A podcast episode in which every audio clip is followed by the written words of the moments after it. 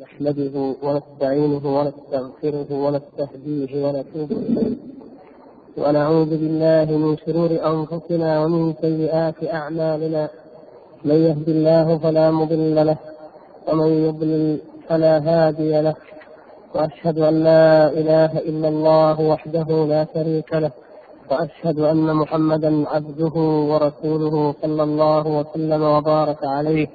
وعلى آله وصحبه أجمعين. أما بعد أيها الأخوة الكرام فقد سبق أن أنهينا في الدرس الماضي موضوع الحوض وهو أحد موضوعات الغيبيات التي يؤمن بها أهل السنة والجماعة كما جاءت في كتاب الله وفي سنة رسوله صلى الله عليه وسلم. ثم انتقل الإمام أبو جعفر الطحاوي رحمه الله تعالى من الحوض إلى أمر عظيم من أمور العقيدة والدين وهو أمر الشفاعة. فقال في الفقرة الثامنة والأربعين والشفاعة التي ادخرها لهم حق كما روي في الأخبار ويقصد الإمام أبو جعفر رحمه الله بالضمير في قوله ادخرها من من الذي ادخرها؟ الله تعالى ادخر شفاعته الرسول نعم الرسول صلى الله عليه وسلم ادخر شفاعته. الفقرة السابعة والأربعون والحوض الذي أكرمه أكرم من؟ الله يعني الرسول صلى الله عليه وسلم. والحوض الذي أكرمه الله أكرمه الله تعالى به غياثا لأمته حق. كل الضمائر تعود إلى النبي صلى الله عليه وسلم. كما في تقرأ الثالثة والأربعين وقد أسري بالنبي صلى الله عليه وسلم وعرج بشخصه في اليقظة ثم بعد ذلك انتقل إلى الحوض فقال والحوض الذي أكرمه الله تعالى به غياثا لأمته حق. ثم قال بعد ذلك والشفاعة التي ادخرها لهم حق كما روي في الأخبار. فهذه الفقرة أطال الشارح رحمه الله تعالى في شرحها وتعرض فيها لموضوعين في الجملة أساسيين الموضوع الأول إثبات شفاعته صلى الله عليه وسلم وبيان أنواعها والموضوع الآخر هو ما يتعلق بالتوسل وهو الذي ذكره في آخر موضوع الشفاعة. والواقع أن موضوع الشفاعة طويل والكلام فيه كثير ولا بد من إيضاح بعض الأمور فيه وإن لم ترد هنا في هذا الشرح. وسوف نفعل ذلك إن شاء الله. ونطلب من الإخوة جميعا المتابعة ونطلب أيضا عدم العجلة في بعض الأمور التي قد تشكل فسوف بإذن الله يأتي. في الدرس القادم ما هو تفصيل لها. أعني بعض الأمور التي تكون مشكلة ولم تأتي في درس اليوم مثلا. فإن شاء الله تعالى سوف يأتي تفصيلها بإذن الله. وباب الشفاعة أيها الإخوة الكرام كما تقدم باب مهم عظيم. لأن الناس نتيجة غلطهم وجهلهم وانحرافهم في موضوع الشفاعة وقعوا في الشرك الأكبر وخرجوا من التوحيد وخرجوا عن الصراط المستقيم إلى السبل والضلالات. فالمشركون الذين بعث فيهم الأنبياء والرسل صلوات الله وسلامه عليهم هؤلاء المشركون كانوا يعبدون الأصنام بذريعة الشفاعة. والذين يعبدون الأولياء والصالحين وينتسبون إلى هذه الأمة يتذرعون أيضا بالشفاعة أو بالتوسل. فهذا أمر عظيم يجب أن نتفطن له وأن نعيه. ومن الأمور التي ينبغي أن نعلمها اولا أن الشفاعة الناس فيها على ثلاثة أقسام. الناس في الشفاعة على طرفين وواسطة ثلاثة أقسام طرفان وواسطة. أما الطرفان فأولهما المثبتون للشفاعة في غير موضعها الذين يثبتون الشفاعة ولكن لغير أهلها وفي غير موضعها الذي جعله الله تبارك وتعالى. سواء كان ذلك الأهل الشافع أو المشروع له. فالطرف الأول إذن الذين غلوا في إثبات الشفاعة و جعلوها بغير بغير ما أنزل الله سبحانه وتعالى، إما جعلوا شافعا لم يجعله الله تعالى شافعا أو جعلوا مشفوعا له لم يأذن الله سبحانه وتعالى بأن يشفع له وغلوا في ذلك حتى آل بهم الأمر إلى الشرك الأكبر. وهؤلاء هؤلاء الصنف الأول هم المشركون قديما وحديثا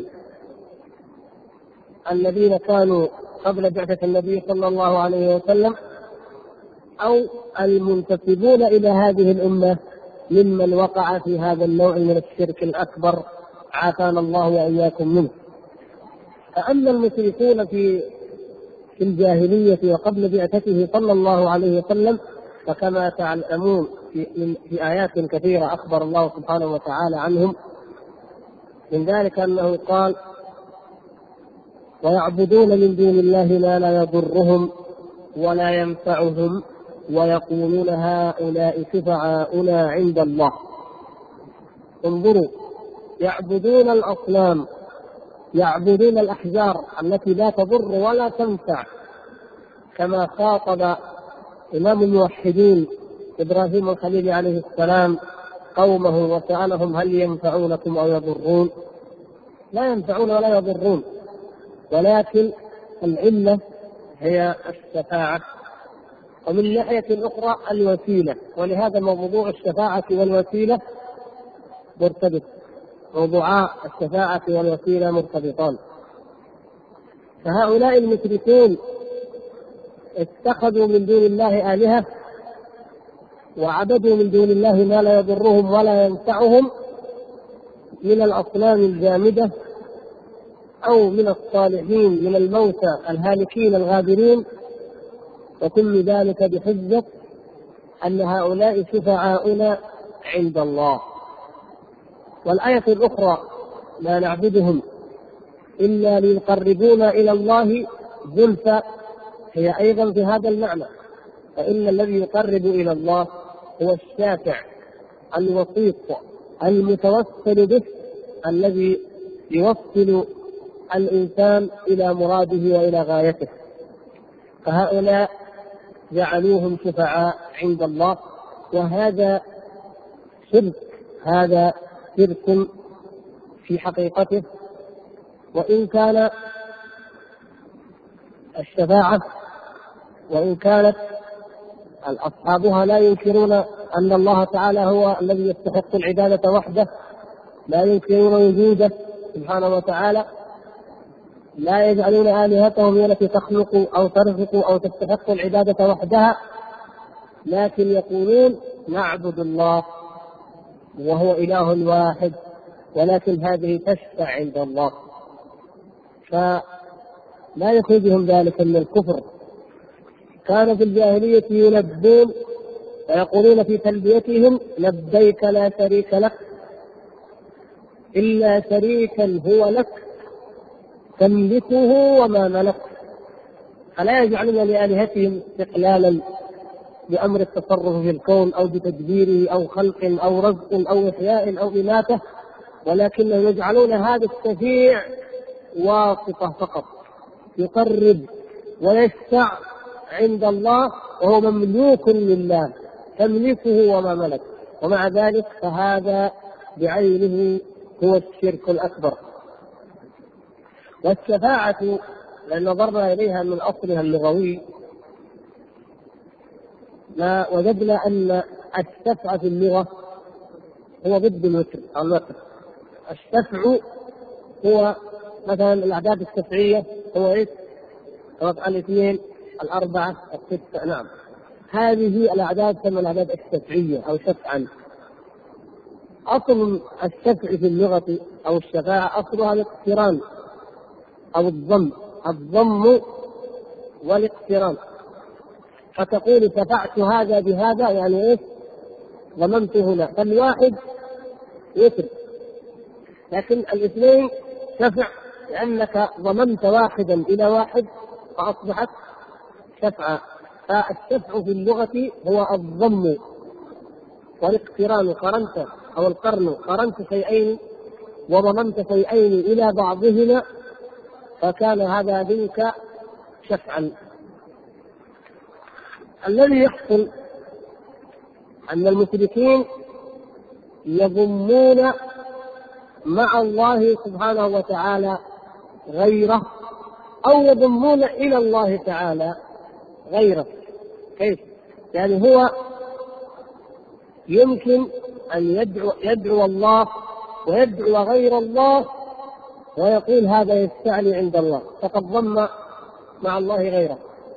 أو هو يقول أنا عندما أدعو الله أنا ضعيف أنا مذنب أنا مقصر كيف أدعو الله؟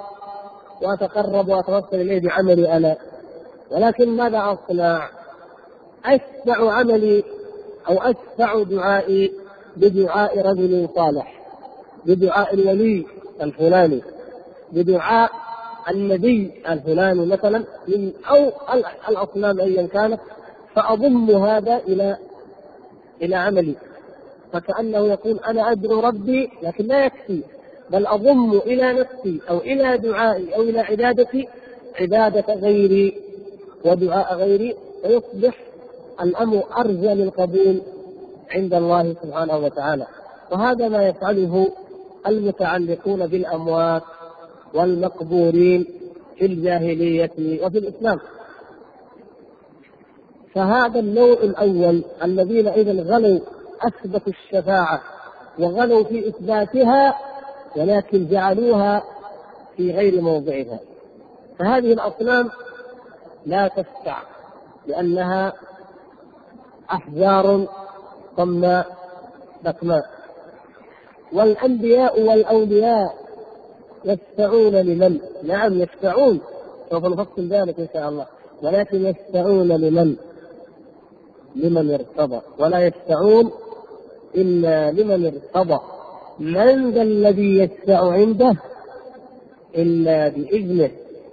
نعم لمن ارتضى لمن أذن الله سبحانه وتعالى لمن شهد بالحق وهم يعلمون. لأهل التوحيد والإيمان يشفع من شاء الله له أن يشفع على ما سيأتي تفصيله إن شاء الله ضمن حديث الحشر. لكن هؤلاء يقولون إن الأولياء أو الأنبياء يشفعون لمن؟ للمشركين. فيشركون بهم ويقولون هؤلاء شفعاؤنا عند الله. ويطمعون أن يشفع لهم وهم مشركون بالله سبحانه وتعالى. فهذا هو الفريق الأول. وأمره لا يخفى عليكم إن شاء الله. وقد تقدم شيء من الحديث عنه في أول الشرح عند الحديث عن أنواع التوحيد. وسيأتي إن شاء الله تكملة له في آخر هذا الموضوع عند الحديث عن التوسل. وأما الطرف الآخر فهم الذين أنكروا الشفاعة بمرة وهؤلاء هم المعتزلة. والخوارج. المعتزلة والخوارج ينكرون الشفاعة. ولماذا ينكرون الشفاعة؟ ينكرون الشفاعة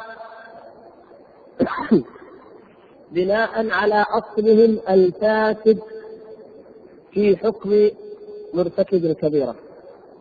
الذي هو جزء من أصلهم الفاسد في قضية الإيمان. وقضية الإيمان سوف يأتي شرحها بإذنه تعالى في مبحث الإيمان في آخر هذه العقيدة. لكن نحن الآن نتعرض لأولها لمبادئها التي ننقذ ونتوصل منها إلى الحديث عن الشفاعة. فالإيمان أهل السنة والجماعة السلف الصالح رضي الله تعالى عنهم كلهم أجمعون أجمعوا على أن الإيمان قول وعمل يزيد وينقص كما صرحت بذلك الآيات من كتاب الله والأحاديث الثابتة من كلام رسول الله صلى الله عليه وسلم. فكونه قولا وعملا هذا أمر معروف أو تعرفون أن معنى ذلك هو أنه قول اللسان وإقراره هو إقراره قول القلب وهو تصديقه أيضا وإقراره. عمل الجوارح كالصلاة والجهاد والأمر بالمعروف والنهي عن المنكر. عمل القلب كاليقين والإخلاص والمحبة وما أشبه ذلك من أعمال القلوب. فهو قول وعمل أي اعتقاد بالباطن وانقياد وإذعان بالظاهر. وقد نقل الإجماع على ذلك عدد من أئمة السلف منهم الإمام البخاري رحمه الله تعالى. فإنه يقول كما روى عنه النسائي بسند صحيح يقول رويت أكثر عن أكثر من ألف شيخ من أهل العلم ولم أروي أو لم أنقل إلا عمن يقول الإسلام الدين قول وعمل الدين قول وعمل. فالإمام البخاري رحمه الله وهو من تعلمون في دلالة قدره في الحفظ وفي الضبط يذكر شيوخه ويذكر أنه نقل عنهم في الحجاز والشام والعراق والمشرق وكل البلاد التي زارها وهم قرابة ألف رجل وكلهم يقول الإيمان قول وعمل. هذا ما كانت عليه الأمة قبل أن تظهر بدعة المرجئة والخوارج فهذا معنى قوله قولنا إن أن السلف أجمعوا على أن الإيمان قول وعمل. الموضوع الفقرة الأخرى التي تهمنا بالذات الآن هي قولهم أو مذهبهم العبارة الأخرى أنه يزيد وينقص. الإيمان يزيد وينقص، أليس كذلك؟ لو استعرضنا ما في كتاب الله عز وجل لوجدنا ذلك جليا. يعني يزيد بايش؟ يزيد بالطاعة وينقص بالمعصية. فزيادة الإيمان ورد في كتاب الله ولا لا؟ وردت. مثلا في قوله تعالى وإذا تلت عليهم آيات زادتهم إيمانا. نعم. نعم. ما كان. ليزدادوا إيمانا مع إيمانهم. كمان والذين اهتدوا زادهم هدى. طيب الحمد لله. تعرفون آيات في ذلك وهي كثيرة. فالزيادة جاءت في القرآن وبالطبع الآيات أو الأدلة الدالة على الزيادة هي دليل على النقصان لأنه قبل أن يزيد كان ناقصا أو ما قبل الزيادة فإنه أيضا يقبل النقصان. ولذلك الله تعالى أخبر عن المنافقين. ماذا قال في سورة التوبة؟ هذا ما أنزل السورة قالوا إيش؟ أيكم نعم أيكم زادته هذه إيمانا؟ يتساءلون. فأما الذين آمنوا نعم طيب وأما الذين في قلوبهم مرض فزادتهم رجسا إلى رجسهم يعني كان إيمانهم ناقص أو معدوم والآن ازداد الرزق اذا ازداد نقص الإيمان. عافانا الله وإياكم. إن صح التعبير أنه زاد النقص المقصود أنه اشتد النقص فنقص إيمانهم. فالإيمان يزيد وينقص. قاعدة معروفة حتى عند البشر حتى عند الناس بالفطرة السليمة أي بالمعايشة. الواحد منا يصلي الفريضة فيسمع من آيات الله عز وجل الآيات التي تقشعر لها الأبدان فيخشع في صلاته. وفي سماع القرآن فيشعر بأن إيمانه قد ازداد.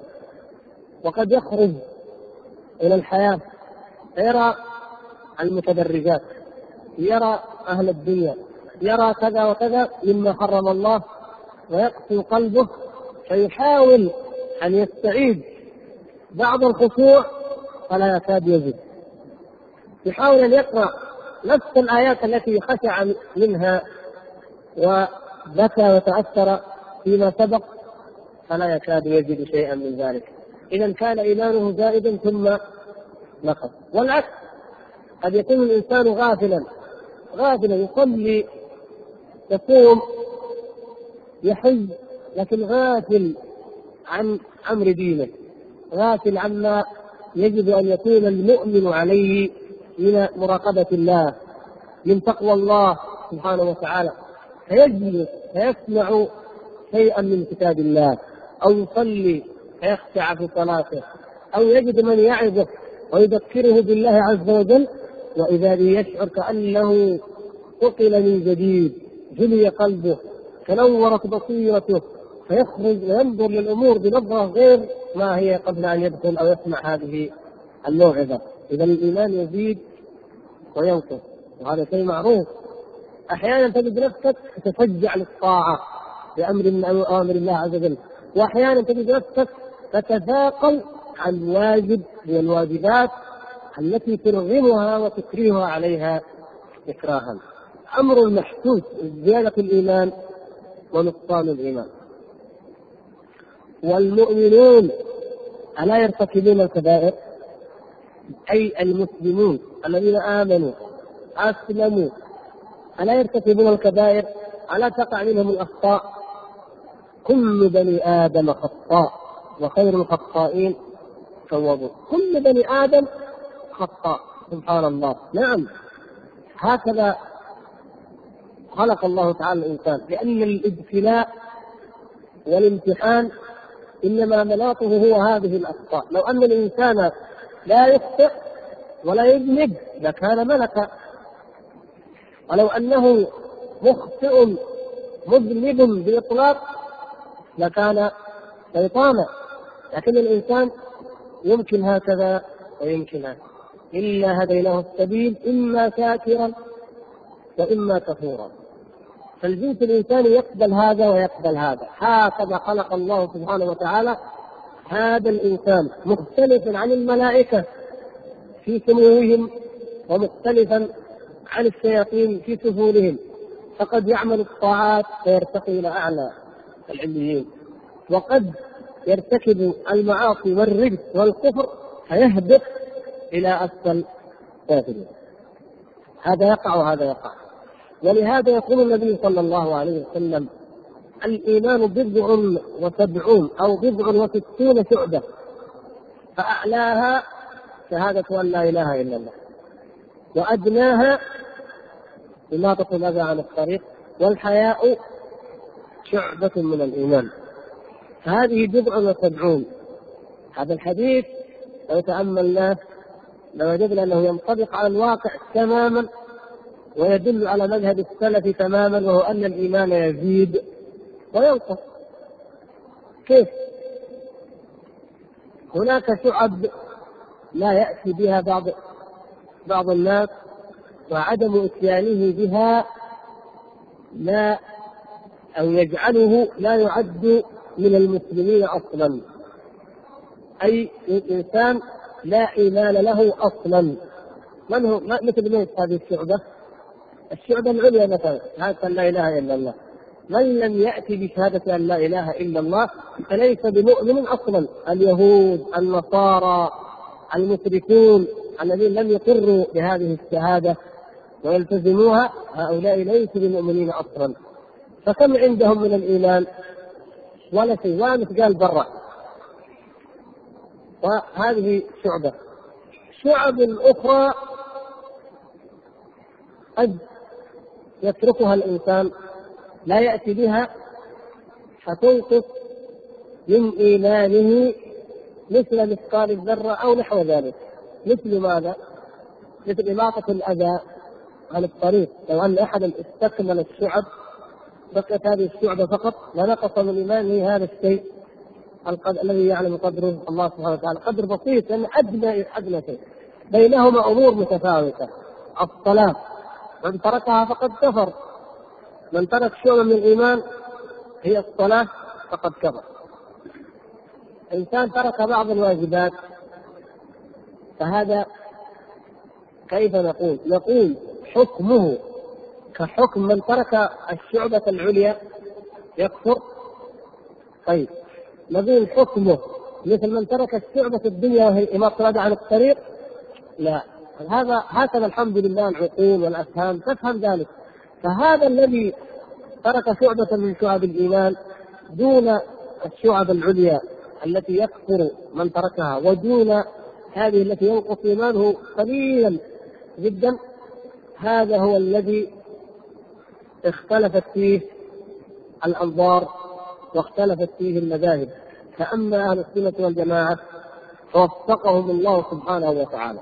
فقالوا هذا الإنسان إذا ترك واجبا من الواجبات أو فعل محرما من المحرمات وهما مقترنان هذا رجل شرب الخمر عافانا الله وإياكم. طيب ما حكمه الخوارج والمعتزلة جعلوه كمن ترك شهادة أن لا إله إلا الله؟ كافر. في الدنيا كافر خارج من الملة. وفي الآخرة قالوا في الآخرة خالد مخلد في النار أيضا كافر. ومن هنا ندخل إلى موضوع الشفاعة. ما تنفع الشفاعة؟ قالوا لا الشفاعة لا تنفع الكافر. هذا كافر خرج من الملة فلا تنفعه الشفاعة. اختلفوا في اسمه في الدنيا فقط. الخوارج قالوا كافر. هذا يسمى إيش؟ كافر. في الدنيا وفي الآخرة خالد مخلد في النار. المعتزلة قالوا في الدنيا لا نسميه كافرا ولا نسميه مؤمنا. أجل إيش؟ قالوا هو في منزلة بين المنزلتين. ما نقول لا كافر ولا مؤمن. رأوا أدلة ترجح في نظرهم مجرد ترجيح أنه مؤمن وأدلة في نظرهم ترجح أنه كافر فعجزوا. فقالوا نقول في منزلة بين المنزلتين. طيب في الآخرة؟ كافر. قالوا خالد عفوا خالد مخلد في النار. تنفعه الشفاعة؟ وتقولوا لا لا تنفعه الشفاعة. ما في شفاعة. شفاعته عمله فقط. يعمل الطاعات فيدخل. أما واحد ثاني يجي يشفع له وهو ما عمل لا. فقد اقفل الباب نهائيا. أهل السنة والجماعة قالوا هذا الذي فعل محرما أو ترك واجبا. هذا ناقص الإيمان نقص إيمانه. الإيمان بضع وسبعون شعبة أو بضع وستون. بعض المؤمنين أو بعض المسلمين عنده بالإضافة إلى الشهادة والصلاة والزكاة مثل أحكام الأركان الخمسة. عنده عشرين شعبة. واحد عنده ثلاثين.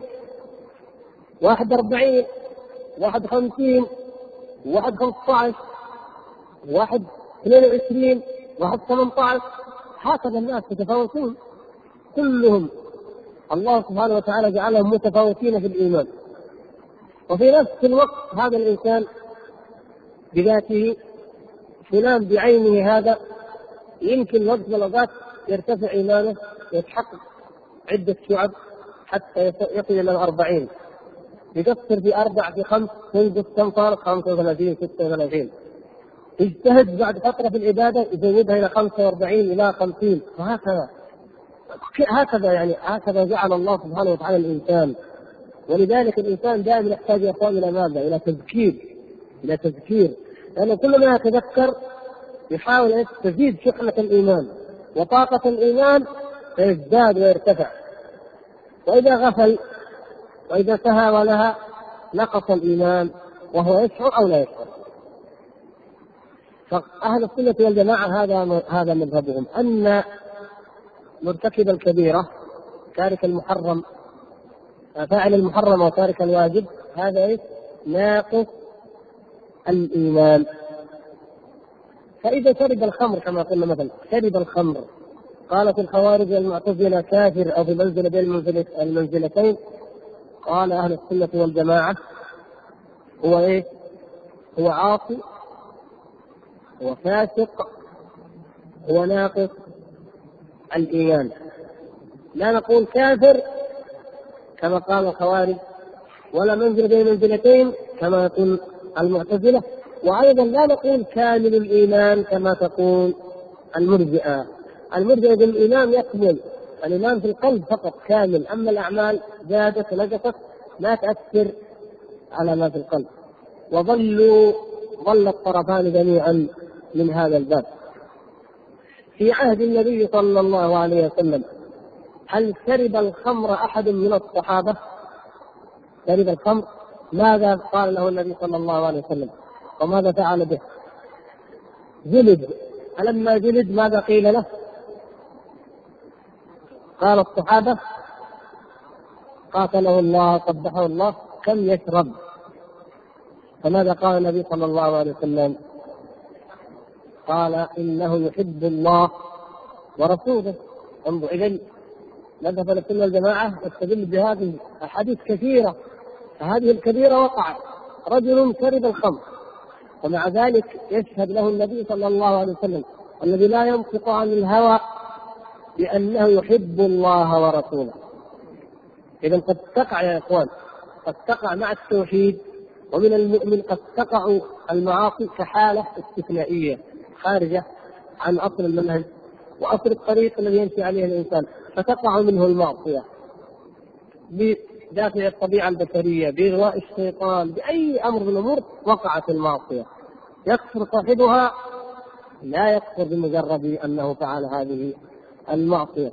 فهذا رجل يحب الله ورسوله وقد وقع منه أن شرب الخمر. هل وقع زنا من أحد من الصحابة أيضا؟ نعم مثل من؟ ماعز ومن؟ والغامدية طيب هل كفرهم النبي صلى الله عليه وسلم؟ ماذا فعل بهم؟ نعم حجوا أقيم عليهم الحد والنبي صلى الله عليه وسلم قال ومن يقيم فمن أقيم عليه الحد ومن عوقب به في الدنيا فهو كفارة له. الحديث الصحيح حديث البيعة لما بايعهم. فهو كفارة له تطهير كفارة. ولهذا ما عجب طهرني والمرأة تقول طهرني يا رسول الله صلى الله عليه وسلم يريدون الطهارة يريدون التطهير في الدنيا إذا التطهير هذا ينفع في حق الكافر أن يتطهر بغير أن يؤمن ولو جلد هل نجد الكفار ولا لا نجلدهم؟ هذا السؤال. لا لا يجلدون الكفار ها اختلف العلماء يجلد ولا يجلد؟ الكافر إذا زنى يجلد ولا يرجم ولا لا؟ ليس بعد الكفر ذنب؟ طيب إذا كان في تحت حكم المسلمين وزنى وزنى اليهودي واليهودية نجلدهم ولا لا؟ نرجمهم ولا لا؟ طيب ذكرت الآن اليهوديان اللذان نزلت فيهما الآيات العظيمة واللذان بسببهما كانت القصة المشهورة مع اليهود لما وضعوا على على الرجم لم يجي يا شباب لا تنسوا. فإذا نحن أحكام الإسلام وحدود الإسلام تجري حتى على الكفار. ما دمنا نحن نقيم الحد نعم وإلا سبحان الله إذا إذا زنى المسلم جلدناه وإذا زنى الكافر قلنا نسامح الكافر لا بالعكس. آه، دينه أو الإيمان بينه وبين ربه لأننا الله تعالى أمرنا أن نأخذ منهم الجزية عن يد وهم صاغرون أو أن نكون كما كان اليهود عهد النبي صلى الله عليه وسلم حالفوه وعاهدوه وكانوا رعايا أو مواطنين ايا ما شئت المهم كانوا في حكم الدولة المسلمة تحت حكم الله ورسوله. فما داموا تحت حكم الإسلام فواجب على المسلمين أن يقيموا عليهم الحدود. ولا يسمحوا لهم بالزنا ولا حتى بشرب الخمر إذا جاهروا. لو زنوا دون أن نعلم يكون ما قاله الأخوان الذين قالوا لا. نعم إذا زنوا ونحن لا نعلم. فحتى لا نقول تعالوا وأقروا وتعالوا واعترفوا، المقصود أن الكافر أيضا تقام عليه حدود الإسلام، هذه قضية جانبيه نرجع إلى إيش؟ إلى انه من عوقب في الدنيا فهو كفارة له. طيب زنى شرب الخمر فعل معصية من المعاصي ثم مات على ذلك ولم يتب. ما حكمه عند أهل السنة والجماعة في الآخرة؟ نعم تحت مشيئة الله إن شاء عذبه وإن شاء غفر له. ومغفرة الله سبحانه وتعالى تحصل للإنسان يوم القيامة بماذا؟ بسبب واحد عدة أسباب منها شفاعة الرسول صلى الله عليه وسلم نعم إذا يشفع الشافعون لأهل الكبائر ولا لا؟ يشفعون ويشفع النبي صلى الله عليه وسلم وغير النبي صلى الله عليه وسلم أيضا كما سيأتي تفصيل يشفعون لأهل الكبائر وأيضا يكون لماذا؟ يكون عفو الله عز وجل يغفر الله له بمقابل مقابل التوحيد فقط حتى دون أن يكون قد تاب، لو تاب طبعا تاب. تاب الله عليه انتهى. لكن أيضا من غير الشفاعة قد يغفر الله تبارك وتعالى لمن شاء من أهل المعاصي. الله تعالى يقول غافر الذنب وقابل التوب شديد العقاب بالطول. انظروا هذه الصفات العظيمة. قالت المعتزلة والخوارج غافر الذنب لمن تاب. لمن تاب. طيب الله سبحانه وتعالى قال غافر الذنب وبس ولا قال بعد إيش؟ قابل التوب. إذا كان غافر الذنب لمن تاب إيش معنى الآية يجيب غافر الذنب وقابل التوب؟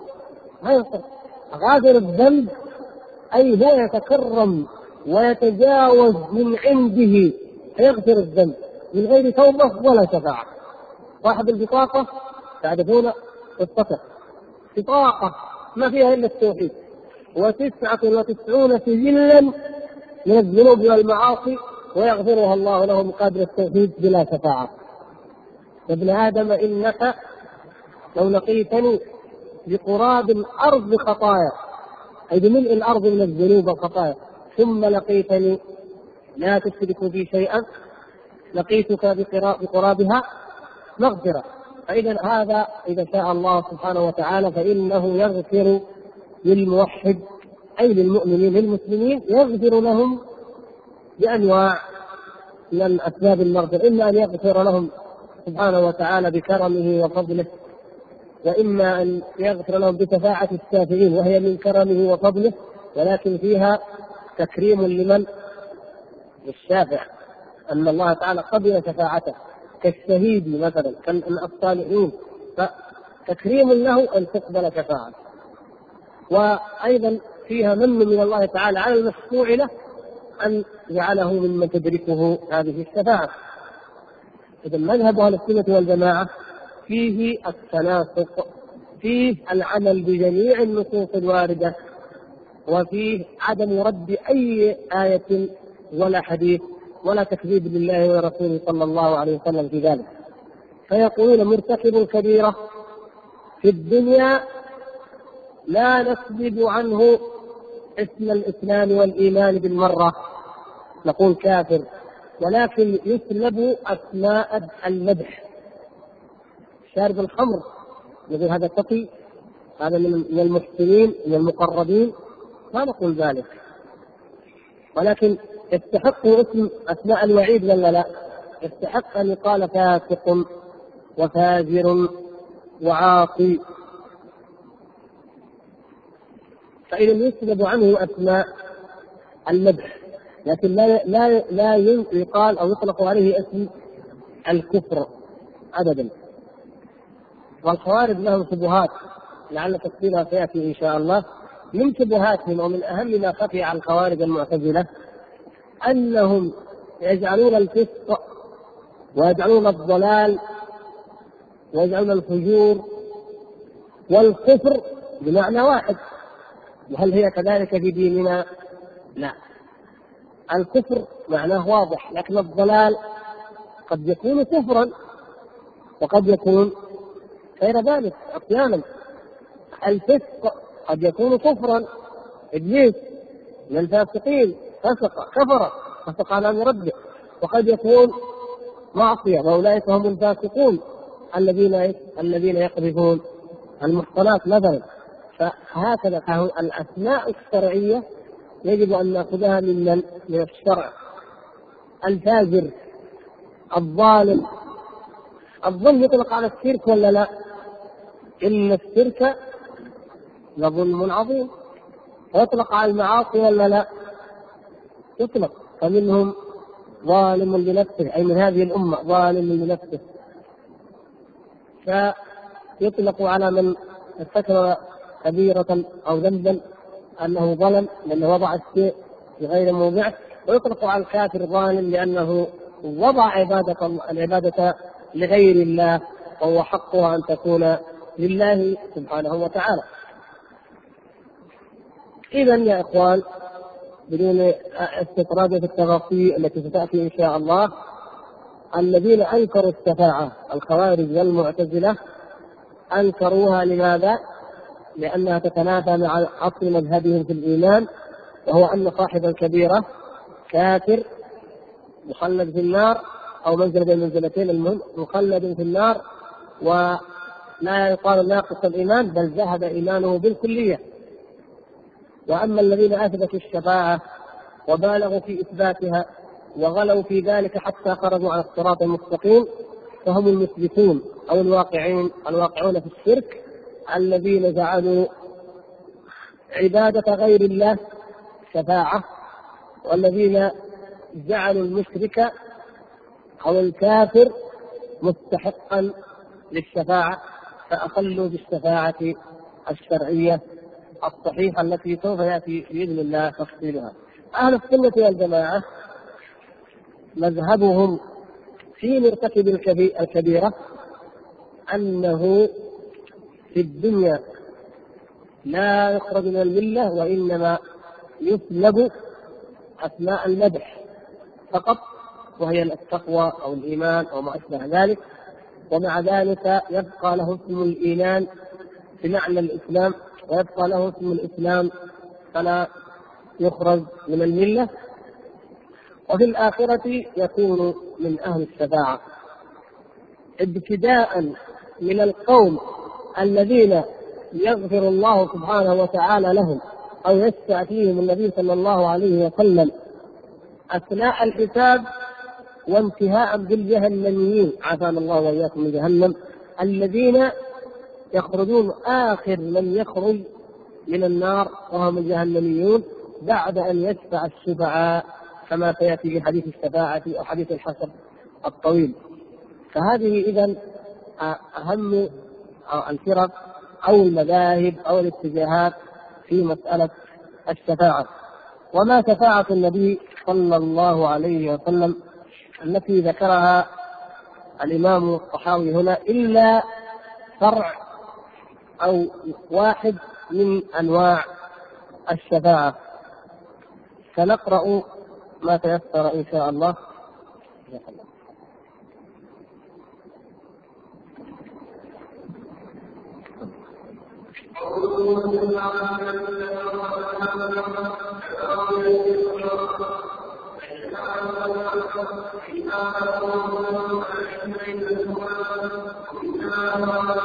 Thank you.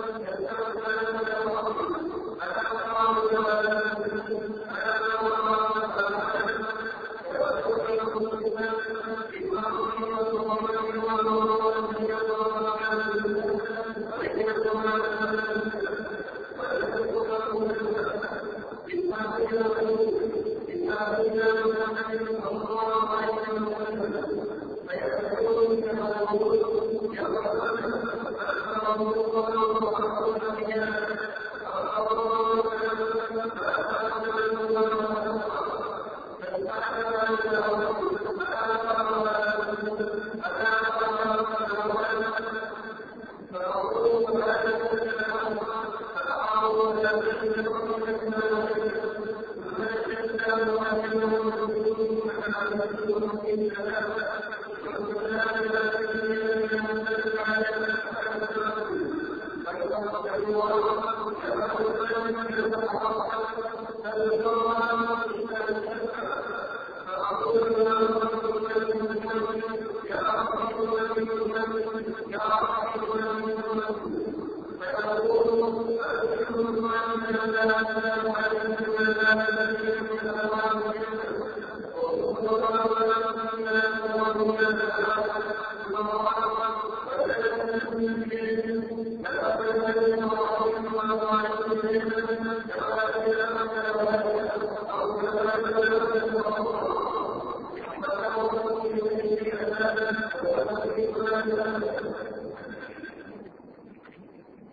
طيب يكفي. هو بعد كذا ذكر أن هذا هو ضعف الحديث ولم يكمله المقصود أن الشفاعة قوله رحمه الله الشفاعة أنواع منها ما هو متفق عليه بين الأمة ومنها ما خالف فيه المعتزلة ونحوهم من أهل البدع. لم يتعرض الشيخ رحمه الله للنوع أو للصنف الذين تقدم ذكرهم وتعلمونهم وهم الذين غلوا في الشفاعة حتى جعلوها للآلهة المعبودة من دون الله في الأصنام والأحجار والذين جعلوها أيضا لغير أهلها من المشركين لأن أمر هؤلاء معروف.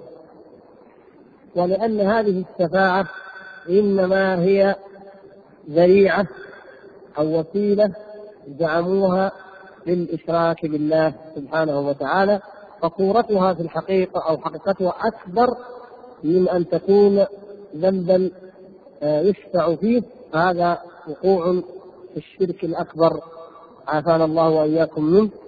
وهذا هو الذي فعله أولئك وهذا بذلك حكم الله تبارك وتعالى عليهم في القرآن.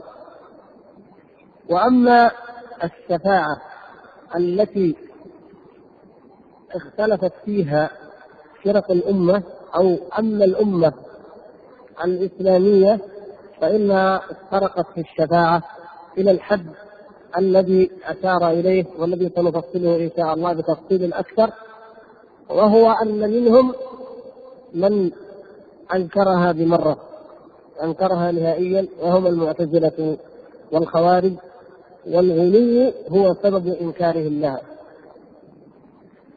الذين غلوا في الشفاعة الذين غلوا في نفسها هم أصلا ممن غلا في العبادة وغلا في الطاعة بزعمه لكن خرج به ذلك عن الصراط المستقيم. والشيطان يخرج المرء عن الصراط المستقيم وعن الجادة إما بالغلو في الطاعة فيفعل ما لم يشرعه الله تبارك وتعالى. وإما بالتقصير فيها إلى حد أن يتركها بمرة عافانا الله وإياكم. وكلا طرفي قصد الأمور ذميم وأهل السنة والجماعة وأهل الحق دائما وسط بين غلو الغالين وبين تفريط المفرطين. كان الخوارج أعدل الناس كما تعلمون جميعا حتى أنه كانت كان لهم كانت ركوبهم كركب الإبل من شده العبادة من كثره الركوع والسجود وكذلك كانت علامات السجود وأثرها في وجوههم. كان شحوب اللون كان طول السهر كانت كثرة القراءة والتلاوة. يعني كما عبر النبي صلى الله عليه وسلم تحقرون صلاتكم إلى صلاتهم وعبادتكم إلى عبادتهم. وكذلك المعتزلة قد يقول قائل المعتزلة زنادقة في الغالب أو كثير منهم وبالذات المؤسسين كيف يكونون مجتهدين في العبادة؟ حقيقة أن أوائل المعتزلة كانوا من الغلاة أيضا في التعبد. ومنهم مثلا عمرو بن عبيد. عمرو بن عبيد إمام المعتزلة الأول مع واصل بن عطاء كان عمرو هذا من أشد الناس زهدا في الدنيا. كان شديد الزهد شديد التنفس شديد العبادة كأنه واحد من الخوارج وهو كذلك وهم بالحقيقة فرقة من الخوارج أو أقرب الناس إليهم واختلط المذهبان فيما بعد حتى أصبحا شيئا واحدا. فهذا أيضا كان حال أولئك المعتزلة. ولكن يا إخوان ليس الأمر أمر اجتهاد في العبادة ولكن الأمر أمر اتباع فيها. فمهما اجتهد المجتهد إذا لم يتبع فإنه سيخرج ويضل. هؤلاء لم يتبعوا النبي صلى الله عليه وسلم ولا أصحابه. ولهذا غلوا في الحكم على مرتكب الكبيرة. طيب إذا كانوا يقولون إن الزاني كافر شارب الخمر كافر ومحرومون من الشفاعة هذا غلو. نعم قد يقال هذا من شدة نفورهم من الزنا من شدة نفورهم من شرب الخمر ونفورهم من المعاصي. أي نعم لكن هل نفور نفور نفسي من شيء؟ تجعلني أجعل المكروه محرما؟ أو أجعل المحرم كفرا؟ لا. وكذلك رغبة نفسي في الشيء تجعلني أجعل الحرام مجرد مكروه أو حتى أقول مباح والعياذ بالله. زي ما نقول إحنا اليوم بسيط وما في شيء وما هو مشكلة. لا ما ما في. ليس ليس الأمر يا إخوان أمر اتباع الهوى وأمر رغبة النفس أو نفور النفس ابدا. الأمر هو أمر إخلاص الدين لله سبحانه وتعالى. ولا يكون ذلك إلا باتباع أمر الله. وافق الهوى أم خالف الهوى؟ في أي أمر من الأمور. وإلا فإن من الناس بهذه المناسبه من الناس من يكره الزنا لأنه لا يريده. حتى في الغرب في الغرب يسمون الناس معقدين في هذه الناحية معقد جنسيا. يعني ما يمكن يبدي لا حتى ولا يتزوج. طب هذا معقد؟ هل هذا نقول إنه يؤجر أو له خير؟ أو حتى يصح أن ينسب إليه فضيلة؟ ويقال هذا إنسان مترفع متسامي عن هذه الفاحشه والرذيلة. لا معقد. لا يوجد ذلك. في ناس معقدين من الدنيا ما يحب الدنيا. لا ربا ولا حلال ولا حرام لا يحب شيء من هذا يبغى يعيش زي ما يعيش الناس في الغابات كذا. هل هل هذا مما يمدح به الإنسان أو يثنى عليه أو يؤجر عليه؟ معقد ما يريد الفلوس. وهكذا.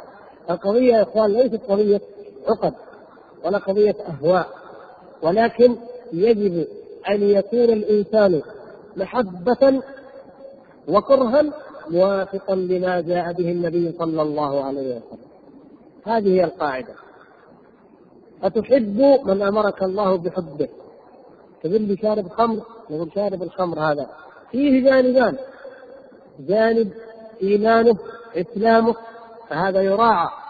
يراعى أنه مسلم فتعطى له حقوق المسلم العامة. وجانب المعصية فماذا؟ فيراعى أنه عاصي فلا تعامله معاملة التقي البار. لكن لا تعامله معاملة الكافر ولا التقي المحسن. ولكن بين ذلك له عليك بعض الحقوق ولذلك من هذه الحقوق حق النصح وحق التذكير وحق الوعظ وعدم التشهير وعدم الفضح وأن لا تعين الشيطان عليه وما, وما إلى ذلك.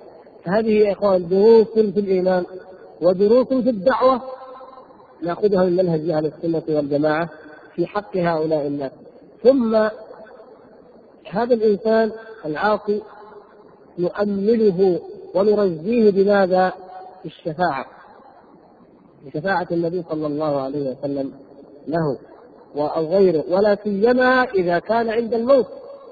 الأمل والرجاء في الشفاعة أو الرجاء برحمة الله وفي مغفرته هذا من من الأسباب التي قد تعيد العاصي إلى الجادة. إذا جيت تنصح بعض الناس قال أنا ما ينفع فيه أنا غلطت أنا فعلت أنا فعلت كانه يقول أنا أريد أن أستمر على المعصية. فإذا قلت له إن الله سبحانه وتعالى يغفر الذنوب جميعا إن الله تعالى يقبل التوبة إن الله سبحانه وتعالى كريم فتب إليه وأنب إليه وكذا رغبت فقد يكون من أسباب رجوعه هذا الترغيب. لكن التيئيس كما فعلت الخوارج والمعتزله يأسوه في الدنيا والآخرة. طب كيف نريد منه أن يتوب إذا كان يكفر في الدنيا ثم في الآخرة لا شفاعة له والعياذ بالله. هذا لا يمكن هذا لا يصح. لكن أهل السنة والجماعة يرغبون الإنسان ويهدونه إلى الطريق المستقيم ما شاء الله تبارك وتعالى. ثم يعملون بالسنة يتبعون الحق. لو أن هؤلاء أهل الكبائر كلهم كفار ولا شفاعة لهم يوم القيامة. فلماذا النبي صلى الله عليه وسلم يقتل الرجل من الكفار لأنه كافر ويقتل الرجل من المسلمين لأنه قتل؟ ثم يأخذ هذا حكم وهذا حكم هذا يصلى عليه وهذا لا يصلى عليه إلى آخر الأحكام. وشارب الخمر هل نقتله؟ قتله النبي صلى الله عليه وسلم ما قتله. جلده. الزاني يرجمه أو يجلده. هكذا فعل النبي صلى الله عليه وسلم. السارق يقطع يده النبي صلى الله عليه وسلم قطع اذا انظروا التفاوت هذا دليل عليه على تفاوت أحوال هؤلاء الناس. ولو كان الأمر كما يقول هؤلاء لكان حكم الجميع القتل جميعا. فهذا كاف لايضاح مذهب